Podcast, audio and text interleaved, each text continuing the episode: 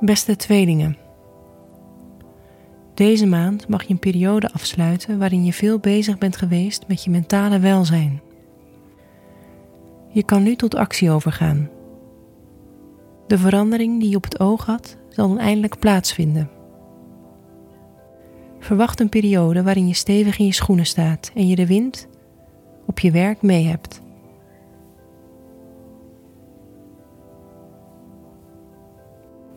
Mercurius, Venus en de zon begeven zich deze maand naar het teken tweelingen.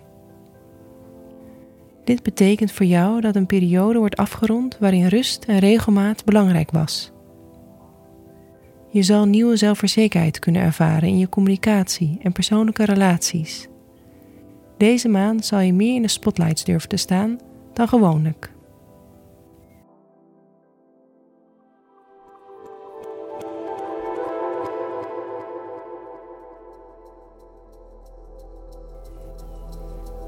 Op 11 mei vindt er nog een nieuwe maan plaats in het teken Stier. Die voor jou in het teken staat van nieuwe doelen stellen rond je mentale gezondheid. Je kan bijvoorbeeld nadenken over het integreren van gezonde gewoontes in je levensstijl.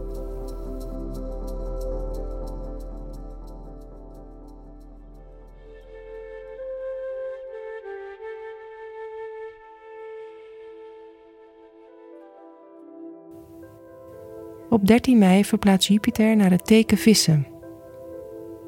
Vissen is een van de tekens waarin Jupiter, de planeet van geluk en expansie, zich thuis voelt.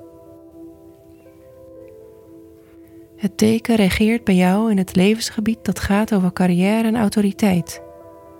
Dit kan ervoor zorgen dat de komende periode je carrière zich op een mooie manier ontwikkelt. Als je freelancer bent, kan je verwachten dat er nieuwe klussen jouw kant uitkomen. En als je voor een werkgever werkt, zou je zelfs een promotie kunnen verwachten. Durf risico te nemen op werkvlak en je onderhandelingen hoog in te zetten, want het geluk is aan jouw zijde.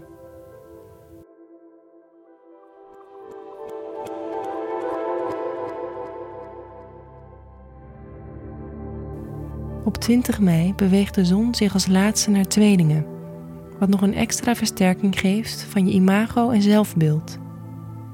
Je reputatie zal de aankomende maand belangrijk zijn.